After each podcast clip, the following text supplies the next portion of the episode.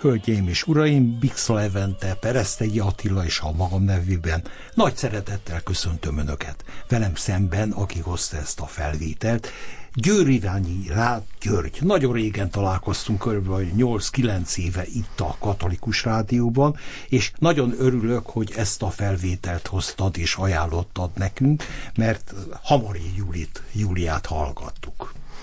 Igen, hát ez a felvétel nagyon kedves nekem, két okból is. Egyrészt az egész zenei karrierem, vagy az egész zenélésem a Máté Pasióval kezdődött. Én nagyon késői zenész vagyok, 17 éves voltam, amikor először egy templomban meghallottam a Máté Pasiót, és akkor én rögtön el is határoztam, hogy zenész leszek. Tehát még a templomból kijövet, ez már világos ez volt. volt. Ez volt a sugallat, amit meghallottam, és akkor kezdtem tulajdonképpen a zenélésbe. A másik meg hát, hogy akkor még olyan szerencsés voltam, hogy Hamari Júlia még fénykorában rengeteg eh, koncertet énekelt Magyarországon, és ezeknek eh, fültanúja lehettem, és hát ez, ez is egy nagyon meghatározó élmény volt az életemben érdekel, hogy 17 éves korodig mi volt, hogy találkoztál -e zenével, tanultál-e zongorázni, ilyesmit, mert erről nem olvastam. Igen, 17 éves korig tulajdonképpen nem igazán foglalkoztam zenével. Bátyám a könnyű zene felé volt inkább érdekelt, így megtanultam egy kicsit gitározni, és játszottam is vele ilyen rockzenekarokba, ő nálam sokkal idősebb ennek ellenére. 14 éves koromban játszottam már olyan együttesbe, amiben a többség 21 és ilyen korosztály volt. De klasszikus zenével nem igazán találkoztam, tehát amit az kötelező iskolai hallgatások alkalmával. Melyik iskola volt? Először általános iskolába jártam, aztán utána a Kölcsei Ferenc Gimnázium matematika tagozatán, tehát egészen más irányba indult az életem. Szüleim is, meg valószínűleg én is inkább mérnöknek szántak, szántam magam, és akkor jött ez a boom a Máté Passióval, és innentől megváltozott az életem iránya. Ez te, azért is érdekes számomra, mert nagyjából hasonló volt nálam is. Én is a Toldi gimnáziumban jártam, tanultam zongorázni, úgy tanulgattam, így mondanám inkább. Semmi különösebb jelét nem adtam, hogy zenei pálya, meg tehetség, meg ilyesmi, és akkor tényleg jött egy sugalat, én ezt ahhoz tudom hasonlítani, ahogy gondolom, hogy egy ifjú ember érez valamit, és elmegy papnak. Tehát ez, ez egy ilyen villámlás. Így van. És, és hála jó Istennek időben, mert még 14, 15, 16, 17 éves korban még lehet váltani, és akkor az ember ezerrel tud. Hogyan folytatódott? Azért kérdezem, noha mm, emlékszem egy bejegyzésre, hogy Lukács Ervin, akinél te tanultál, nagyon lelkesen nyilatkozott rólad. Tehát elhatároztad a zenét, ott kialakult rögtön, hogy karmester, vagy zeneszerzés, vagy zongora, én először trombitálni kezdtem, mert hát ugye racionális ember voltam és vagyok, és hát a család is, hát mit lehet 17 éves korban zenével elkezdeni, hát valami úgymond könnyebb hangszert, így lett a trombita, de hát aztán közben én elkezdtem zongorázni, tanulni, és hát egy nagyszerű tanárom volt. Nekem az egész életem nagyon szerencsés volt, mert sorban találkoztam nagyszerű tanárokkal, akik, akik meglátták bennem ezt a kihívást, hogy egy ilyen idősebb fiúval lehet valamit kezdeni, és hát Komjáti Aladjárné mindenki Manyi nénie vett kezelésbe, és emlékszem, hogy a második darab, amit megtanított, az Chopin C-moll prelüdje volt. Ami, hát ha valaki is egy kicsit tud zongorázni, az tudja, hogy hát ez, ez majd majdnem lehetetlenséggel játszani, tehát ott ugye minden, minden pillanatban az összes új játszik, és hát egy olyan embernek, aki, aki hát soha nem ült zongoránál, ez, ez majdnem a lehetetlenség, de Meg hát olyan napi 20... a kezdődik egy nagy fortéval, és akkor visszamegy a pianissimo fele. Igen, tehát de hát ez, ez egy pont a pont nekem, aki hát erről álmodott, ez egy nagy kihívás volt, és napi 24 órában ezt meg lehetett tanulni. Úgyhogy én, én igazán két évre a kezdés, zongora kezdésemtől zongoristaként kerültem be a Zeneakadémia karvezetés szakára, és ott a, a zongoristáknak előírt tananyaggal felvételiztem. Nem azt mondom, hogy rendkívül jó zongoráztam, zongorázom, de megfelelt annak a célnak, amit, amit, amire később is használtam, használom a hangszert. Erre a korrepetitorok azt szokták mondani, hogy illúzió illúziót keltően kell. Tehát ha zongorázó kísérsz valakit, ilyen betanításnál nem az a fontos, hogy minden hang ott legyen, hanem az, hogy, hogy nagyjából hasonlítson a zenekari hangzáshoz. Így van. Láttam egy másik bejegyzést is, ugye Lukács Ervin nagyon dicsértéget, és a következő bejegyzés, de már lehet, hogy fordítva volt, Bernsteintől jött a Zeneakadémia és Tanglewood között mi minden történt? Sok minden történt, tehát ne, folytatva a, szerencse sort, Somogyi László volt az első tanárom, aki hát tényleg az élete végén néhány kurzus tartott, és szombathelyen a Bartok szemináriumon, és hát az a megtiszteltetésért, hogy ennek kétszer is részese lehettem.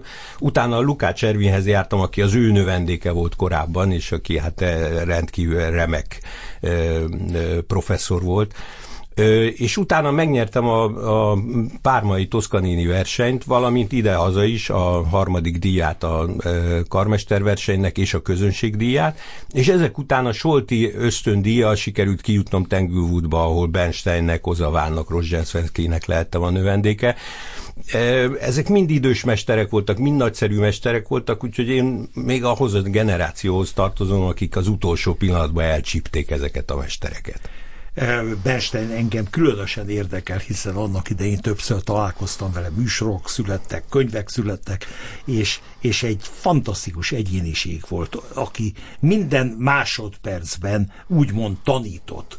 Tehát amit ő tudott, azt, azt ezerrel ö, tudta továbbadni, átadni, és, és, és a zene népszerűsítéséért azt hiszem nem is tettek többet nála. Tehát ő volt az, aki a legnagyobb közönséghez. Voltam eh, New Yorkban egy ilyen Young People's koncert felvételen, és két dolog volt teljesen meglepő. Az egyik az, hogy kétszer egymás után főpróba próba, és szóró szóra ugyanaz hangzott el, aztán megkérdeztem tőle, hogy ez hogy, hogy lehet, tehát annyira rögtönzöttnek eh, hatott, és mondta, hogy muszáj eh, igazodni, mert a kamerák azt szerint lépnek be, hogy hol tart éppen a szöveggel. Ez meglepő volt, de hát ő színésznek is nagyszerű volt, el tudta hitetni, hogy akkor ott most születik meg az a szöveg, amit elmond. A másik érdekesség pedig az volt, hogy eh, a moduszokról beszélt. Tehát a eh, Dor, Lead, Mixolid, aki zenével egy picit is foglalkozott, talán emlékszik erre, tehát attól függ, hogy ugye melyik hangon indítjuk el a zongorán a fehér billentyűket mondjuk, és nem csak klasszikus példát citált, hanem, hanem Kings tehát pop együttes, vagy rock együttestől is.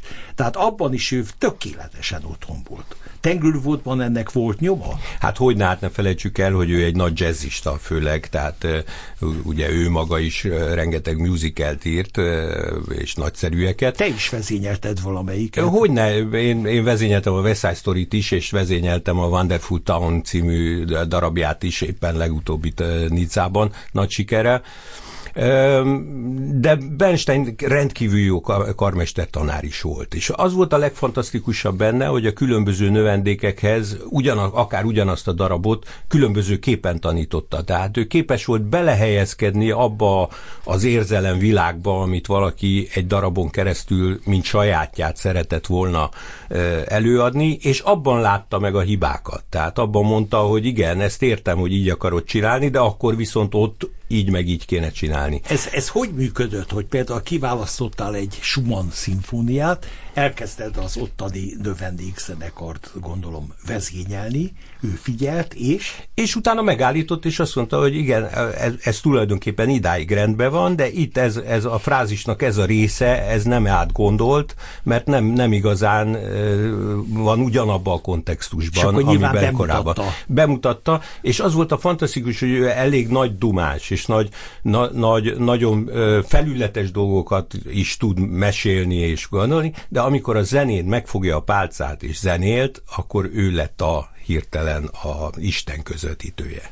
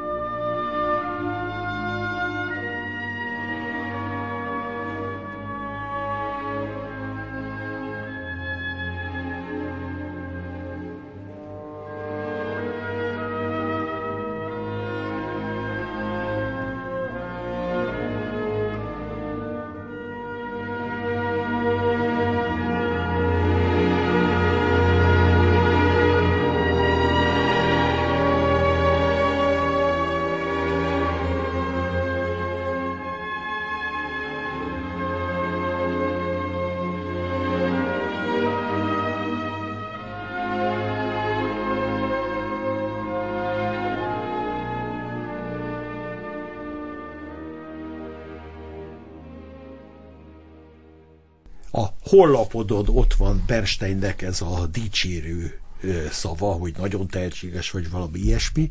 Ezt írásban is megkaptad tőle? Nem, ezt szóban kaptam meg tőle. Ő, én, én sose kértem senkitől írásbeli javaslatokat, illetve csak akkor, amikor esetleg szükségem volt valamelyik másik kurzushoz, vagy valahova egy ajánlásra, de e, ez, ezt a dicséretet tőle, tőle ott a helyszínen kaptam, és nagyon büszke vagyok rá.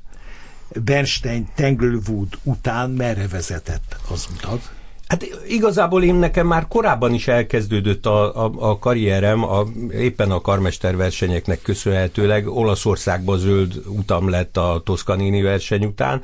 A magyar verseny részint Magyarországon is meghozta az eredményeket, hisz vezényelhettem az akkori állami hangversenyzenekart, a rádiózenekart, a Liszt Ferenc Kamara zenekart, tehát csupa olyan zenekarokat, akik hát az élvonalnak is az élvonala és lehetőségem nyílt arra, hogy Zágrába elkezdjek dolgozni az ottani filharmonikus zenekarral, mint vezető vendégkarmester, ami azt jelentette, hogy évente két-három koncertet is vezényeltem egy ilyen nagyon rangos zenekarra, úgyhogy szép lassan építgettem a, a repertoáromat elsősorban, meg hát természetesen a karrierjem, karrieremet is.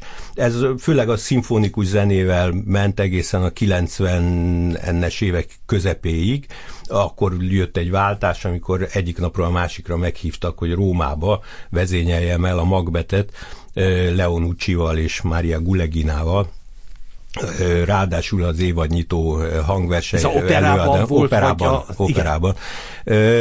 Ami hát egy elképzelhető, elképzelhetetlen megtiszteltetés, főleg egy olyan embernek, aki korábban gyakorlatilag nem vezényelt operát, és hát ott robbantam be hogy így mondjam, az opera életbe, innentől kezdtem elkeresni, mint opera karmester, és ezek után következett egy nagyon kemény tíz év, ugyanis nekem az operákat meg kellett tanulnom, viszont uh, rengeteg felkérést kaptam, tehát egymás után jöttek az operák, és nekem soha meg rosszabbat. egymás... Hát egyrésztről soha rosszabbat, mert nyilván gyönyörű felkérések voltak ezek, csak hát ugye egy opera azért három óra zenei anyag, és azért azt nem lehet egyik napról a másikra különösen úgy, hogy közben egy másikat tanul, az ember, másikat csinál az ember, közben tanulja az újat, és a többi. Tehát ez egy nehéz élet volt, de hát ez, ez is hozzátartozik a fiatal karmestereknek a... Eh, Rómában olyanokat dirigáltál, mint a Nucci. Hogyan jöttél ki velük? Könnyű volt együtt dolgozni ilyen világsztárokkal? Leonuccival egy nagyon aranyos történet volt, ugyanis hát természetesen, mint a nagy sztárok általában ő is később jött a próba folyamatba, addigra mi már egy csomó próbán túl voltunk, és amikor Leonucci megérkezett, akkor láthatólag ő ezt a darabot ugyan nagyon sokszor énekelte, de már elfelejtette. Tehát igenis voltak problémái az anyaggal kapcsolatban. És hát én, mint fiatal karmester, hát ugye akkor 31 néhány éves voltam, kértem őt, hogy igen, de hát ez nagyon jó mester, ahogy csinálja, de hát egy kis csicsit több beleélés a szituáció, ilyen, ilyennek kellene lennie. Mire ő visszajött, és ugyanúgy elénekelte, és akkor én mondtam, hogy nem, egy kicsit ilyen. És akkor megfagyott a légkör a, a teremben, mert hát mindenki értette, hogy ez a taknyos, ez innen el lesz zavarva hamarosan. És Leonucci pedig, amikor már úgy, úgy érezte, hogy most már otthon van ő is a szeren, akkor elmosolyogta magát, és azt mondta, hát csak meg akartam nézni, hogy hogy vagy, hogy vagy felkészülve.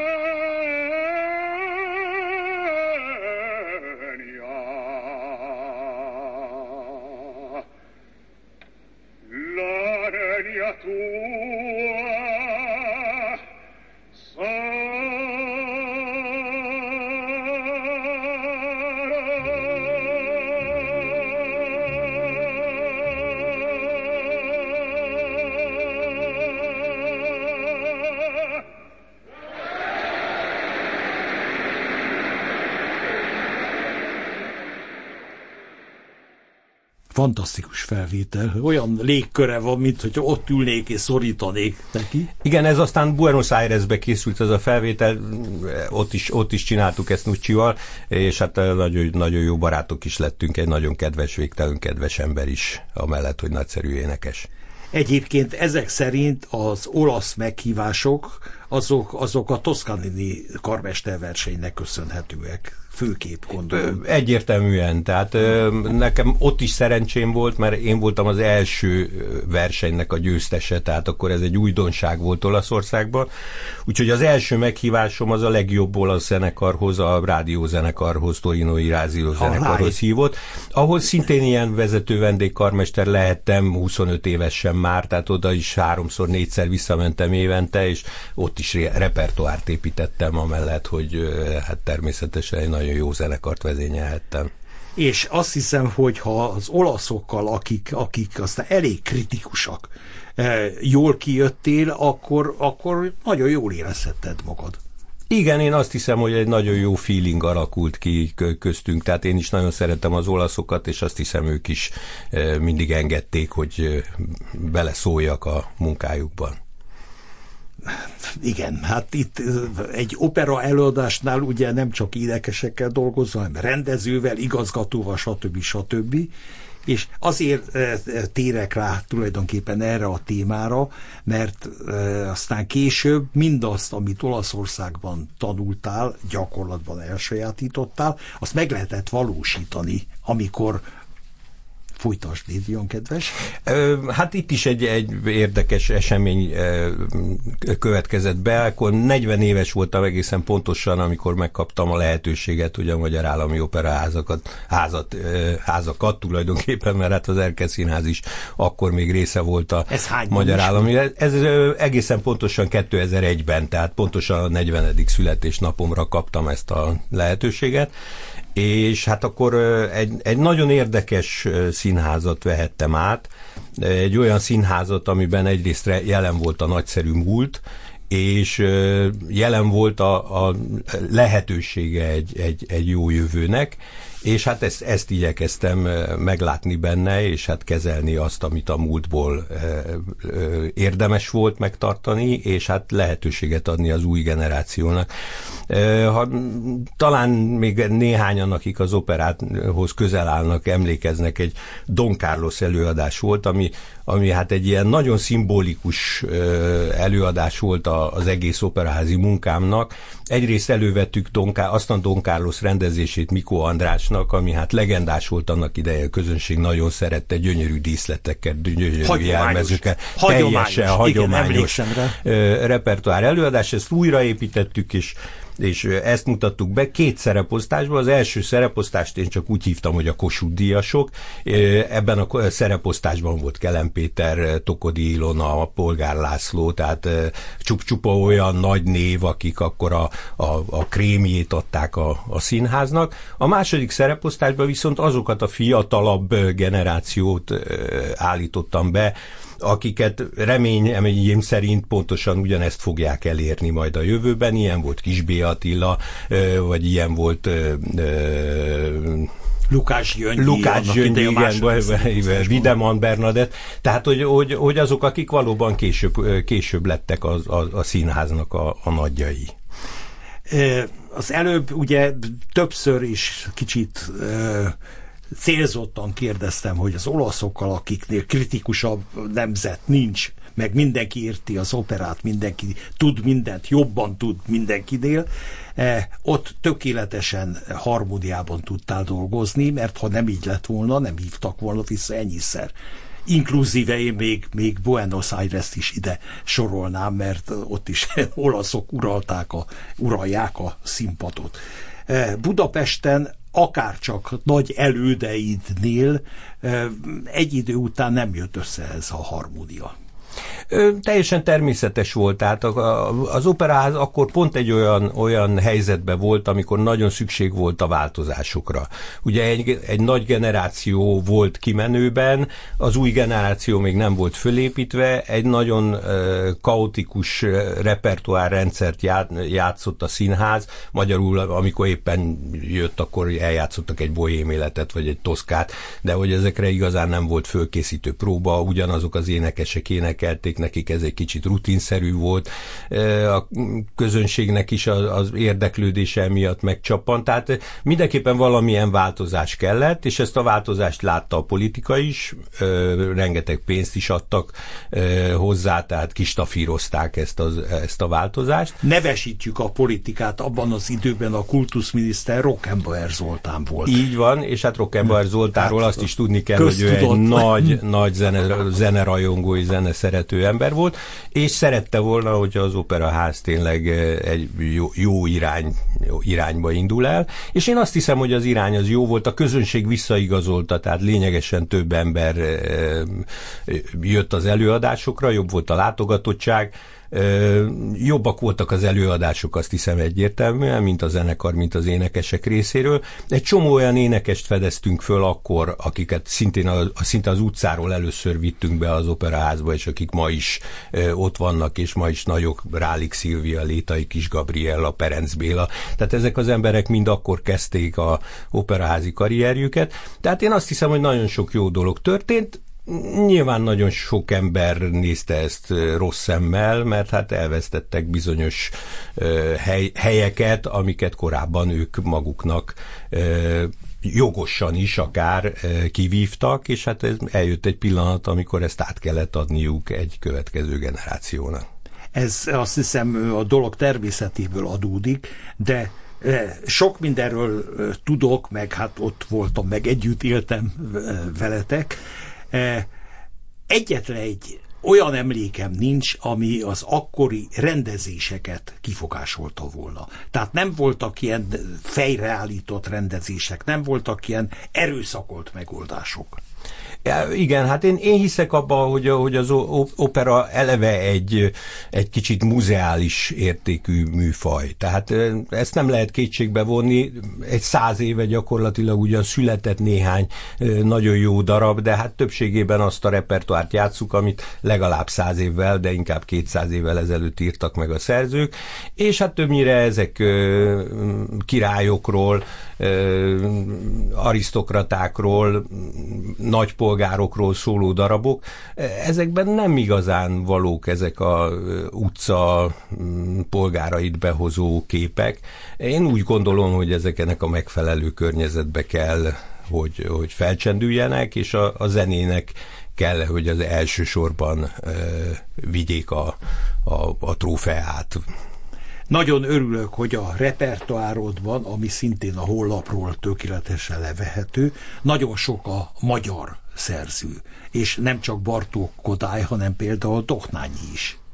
Igen, ennek egy nagyon érdekes története van. Baranyai László zongoraművész barátom egyszer mondta nekem, hogy, hogy figyelj, szeretném fölvenni a Doknányi Ernő két zongora versenyét és hogy nem vezényelni, de el, vegyük fel a rádiózenekarral. És akkor mondtam, hogy hát Laci, én nagyon nem szeretem az ilyen elfeledett zeneszerzőket, hozzátartozik, hogy, hogy Doknányi Ernőről mi nem tanultunk semmit. Tehát úgy töltöttem el az, az öt évet a Zeneakadémián, hogy Doknányi Ernő neve legfeljebb a, a, a híres Pest-Buda egyesítését de, de, visszahozó koncertjéről, ahol Bartók Kodály és Doknányi írt egy-egy darabot, Igen. innen hallottam, de a darabot magát se hallottam, csak a, a tényt, hogy, hogy Doknányi létezett. És erre született és az ünnepi nyitány. Erre, erre született igen, az, igen, az ünnepi nyitány. Ami azért is érdekes, mert benne van a himnusz, benne van a szózat, és a hiszek egy, a magyar hiszek egy a legvégén. Így van, így van, így van. Aztán később Azt... ezt vezényelhettem is, ezt a darabot, és hát egy zseniális dolog. De folytatva a témát, tehát én mondtam Lacinak, hogy, hogy én nem, nem szeretnék ebbe részt részt venni, mert hát, és ő, ő erősködött, hogy de hát nézd meg a darabot, mert szerinte fog tetszeni nekem. És megnéztem, és teljesen leesett az állam, hogy egy ilyen nagyszerű zeneszerző, akiről nem hallunk semmit. És onnan elkezdtem egy kicsit nyomozni. Kiderült, hogy a könyv, amit írt róla Vázsonyi Bálint, nem hozzáférhető. Még a könyvtárban se volt meg a Zeneakadémián, csak egy, egy fénymásolatban sikerült elolvasnom.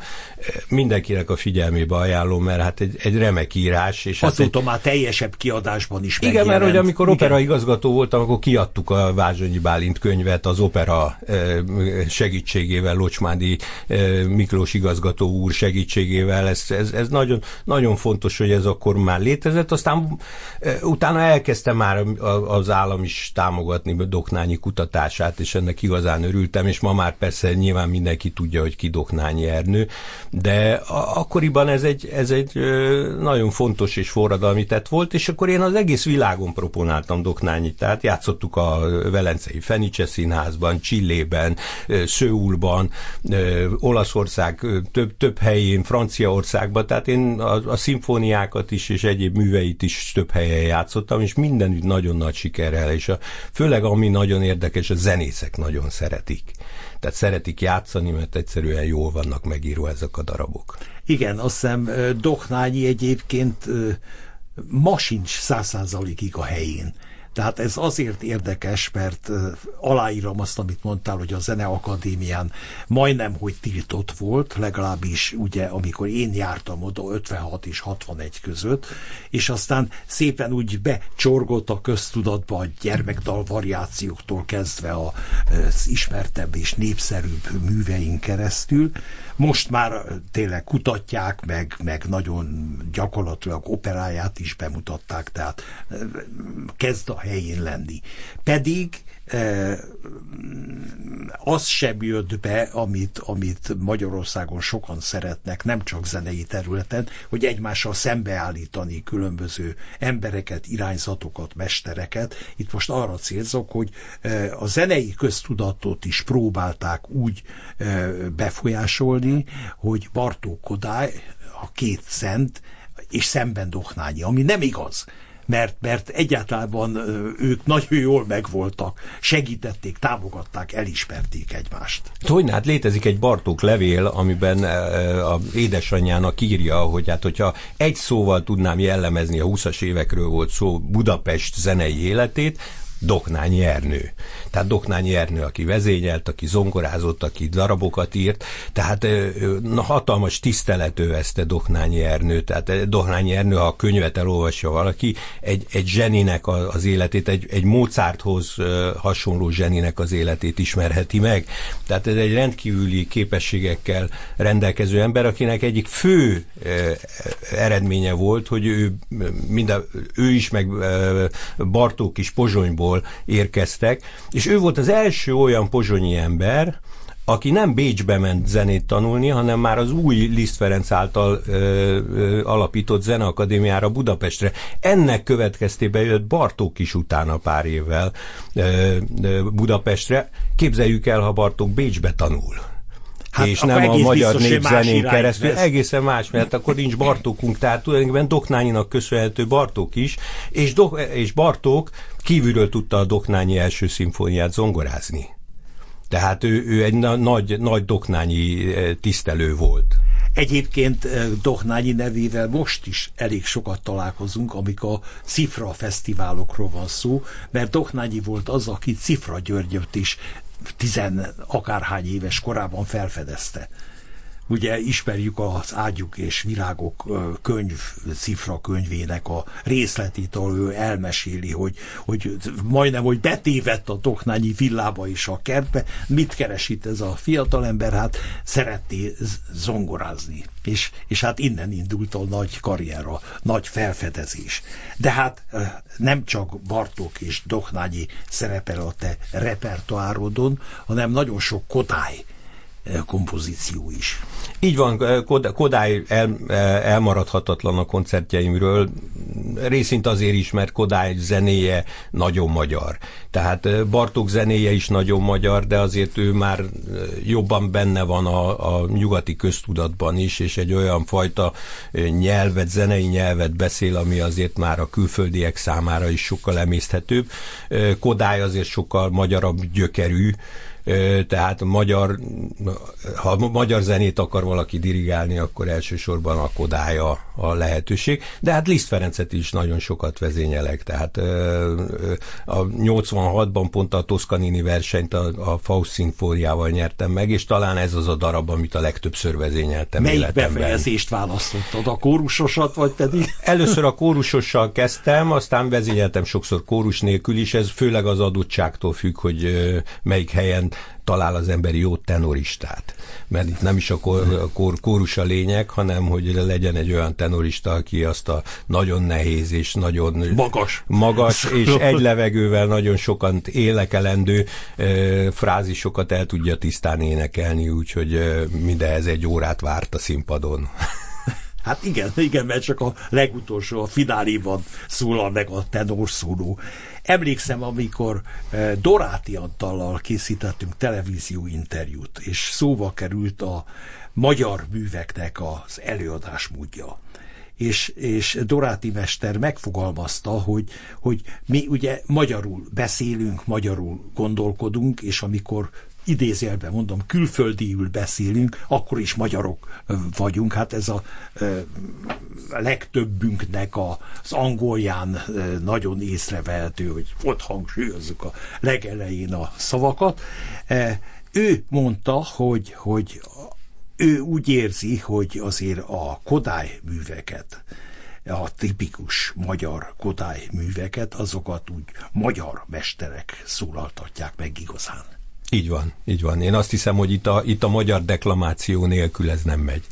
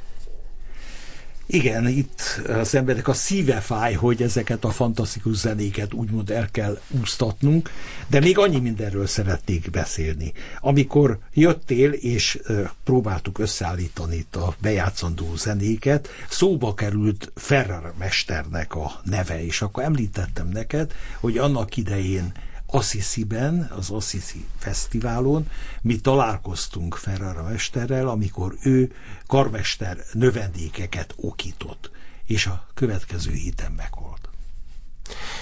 Igen, hát Ferrara nagyon, nagyon korán meghalt, és ami még szomorúbb, hogy, hogy nagyon korán abba hagyta a vezénylést, egy nagyon furcsa betegsége volt, a koncertek közben elájult. Semmilyen orvos nem tudta megmondani, hogy milyen betegség ez. Többen arra gondoltak, hogy egyszerűen olyan hihetetlen szuggesztivitás jött ki a belőle, amit a saját egyébként vékony kis teste nem bírt. Én ennek hajlamos vagyok el, elhinni. Őt a mesterek mesterének szokták nevezni, gyakorlatilag én azt hiszem, hogy nincs olyan karmester ma a világban, aki ne lett volna valahol növendéke és van egy anekdóta is, hogy Karaján állítólag azt mondta, hogy neki az életben egyetlen egy félelme van, hogy Ferrara ott ül a nézőtéren, amikor vezényel. és ebben volt valami igazság, tehát egyszerűen teljesen egészében megváltoztatta az életemet, és nem azért, mert hogy konkrét dolgokat mondott, hanem egyszerűen egy olyan embernek a jelenlétét ismerhette meg, aki valóban mindent tudott a zenéről.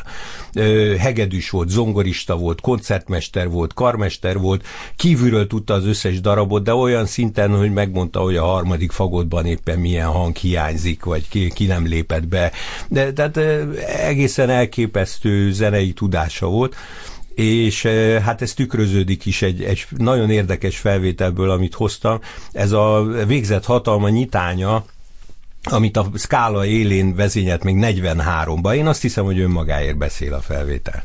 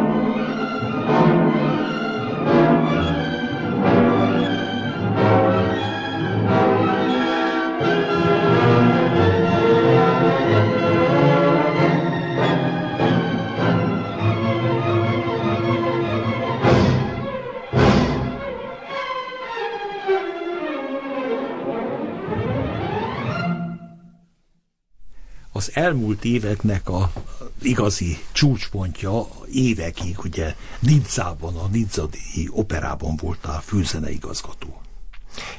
nagyon érdekes történet. A történet úgy kezdődött, hogy egy nagyon kedves barátom Filip Ogen, aki hát egyrészt a Nizai operának volt a főzeneigazgatója, másrészt Washingtonban volt főzeneigazgató, ő meghívott egy előadásra, hogy vezényeljem el a pillangó kisasszonyt Nicában, és hát egy kicsit húzódoztam, mert eh, a franciák híresek arról, hogy nem szeretik az olyan embereket, akik nem tudnak franciául. Nekem Franciaország teljesen kimaradt az életemből, pontosan emiatt, mert franciául ugyan többször nekiugrottam, de nem sikerült megtanulnom, mert eh, egy nagyon érdekes... Elég a német, angol, olasz. Igen, nagyon érdekes nyelv, és, és valahogy az én logikámnak ez mindig nehéz volt.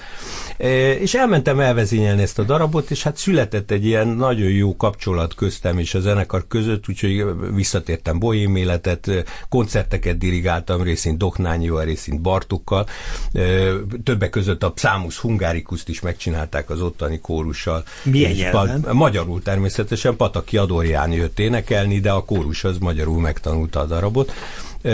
És néhány év eltelt, így minden évben visszajártam, és akkor egyszer csak egy zenész fölhívott engem, hogy hát Ogen szerződése lejárt, és a zenekar 85%-a azt szeretné, hogy én legyek ott a vezető karmester, és pályázzam meg.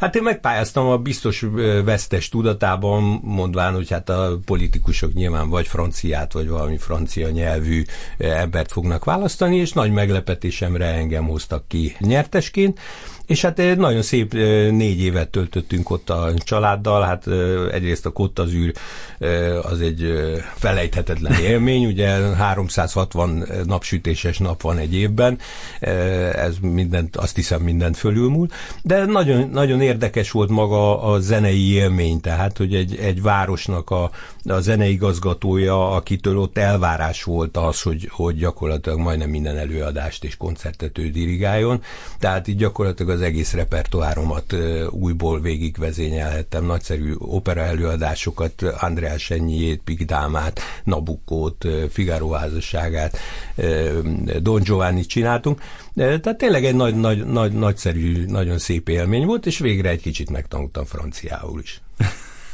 Öt év. Négy évet voltam ott vezetőként, és előtte még egy 5-6 évet. Tehát egy majdnem tíz éves periódus el föl ez a francia kaland. És olvastam, hogy nagyon sok magyar művet is megszólaltattál. Nem csak operára gondolok, hanem szimfonikus koncert. Igen, természetesen játszottunk Kodályt, Lisztet, Doknányit, Bartókot, Fekete Gyulát, tehát széles volt a repertoár akkor egy pici idézet Dohnányi már többször emlegetett első szimfóniájából.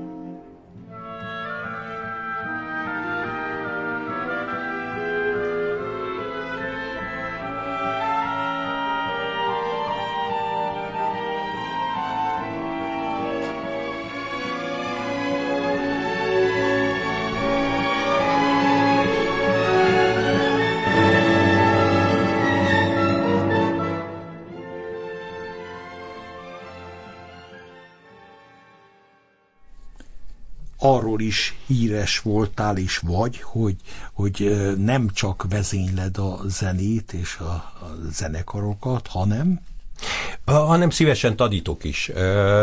Mint ebből a beszélgetésből is azt, azt hiszem kiderült, nagyon jó tanáraim voltak, és hát ugye azért mégis 35 éve vagyok az opera és, és szimfonikus világban, vezetőként is, karmesterként is, tehát azt hiszem, hogy sok mindent kell átadnom a fiataloknak, tehát kötelességemnek érzem azt, hogy a, a fiatal generációnak ezt továbbadjam.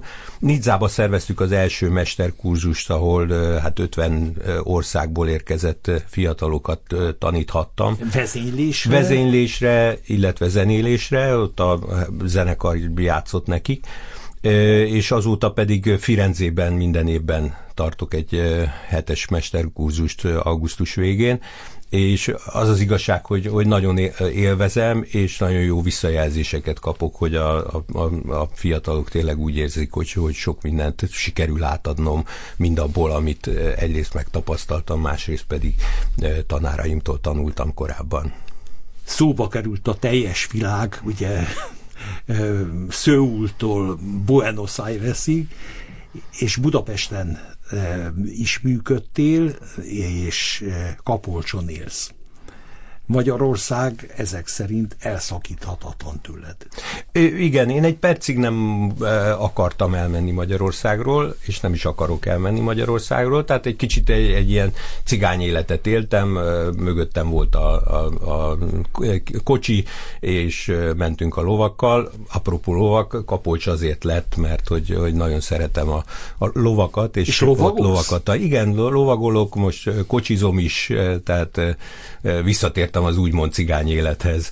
Igen, de a zene ott van. A, a zene az természetesen, természetesen mindig ott van. És szerintem és... nyitott vagy mindenféle zenei feladatra. Igen, én absz- abszolút nyitott vagyok mindenféle eh, feladatra. Legutóbb éppen a Magyar Állami Operaháznak a főigazgatói eh, posztját pályáztam meg, és hát várjuk, hogy újból kiírják, mert hogy igazán nem pályáztam eh, a, a szószoros értelmébe, csak jeleztem, hogy, hogy itt, itt vagyok, itthon vagyok, nagyon szívesen tennék valamit az országért is, és a ország életéért. Hölgyeim és uraim, Győri Ványi Rád György volt a vendégünk, Bix Levente, Pereszegi Attila és a magam nevében köszönöm a figyelmet. Mit javasolsz, mivel, melyik zenével zárjuk a beszélgetést?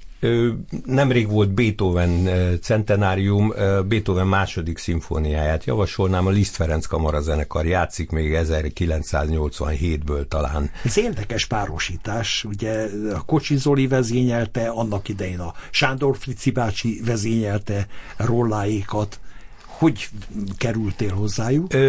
Rolláiknak volt egy ötletük a 80-as évek végén, hogy megpróbálnának karmestere játszani. Korábban játszottak Frici bácsival, de később aztán ők nem játszottak karmestere, és gyakorlatilag én lehettem az első, akikkel, akivel mint karmestere játszottak, és akkor egy nagyon érdekes program volt, Beethoven első szimfónia, második szimfónia és negyedik szimfónia, valamint egy másik koncerten játszottuk a Prokofjev klasszikus szimfóniát és a Schubert ötödiket is, ezek nagyon kell kedves élményeim eh, maradtak, már csak azért is, mert a zenekarban külső tagként bent ült Banta Ede eh, Gordonka művész, aki hát akkoriban a, a, a nem is tudom, a doájenje volt a, a magyar zenélésnek, és hát egy felejthetetlen kamara muzsikus e, emlékét idézi bennem.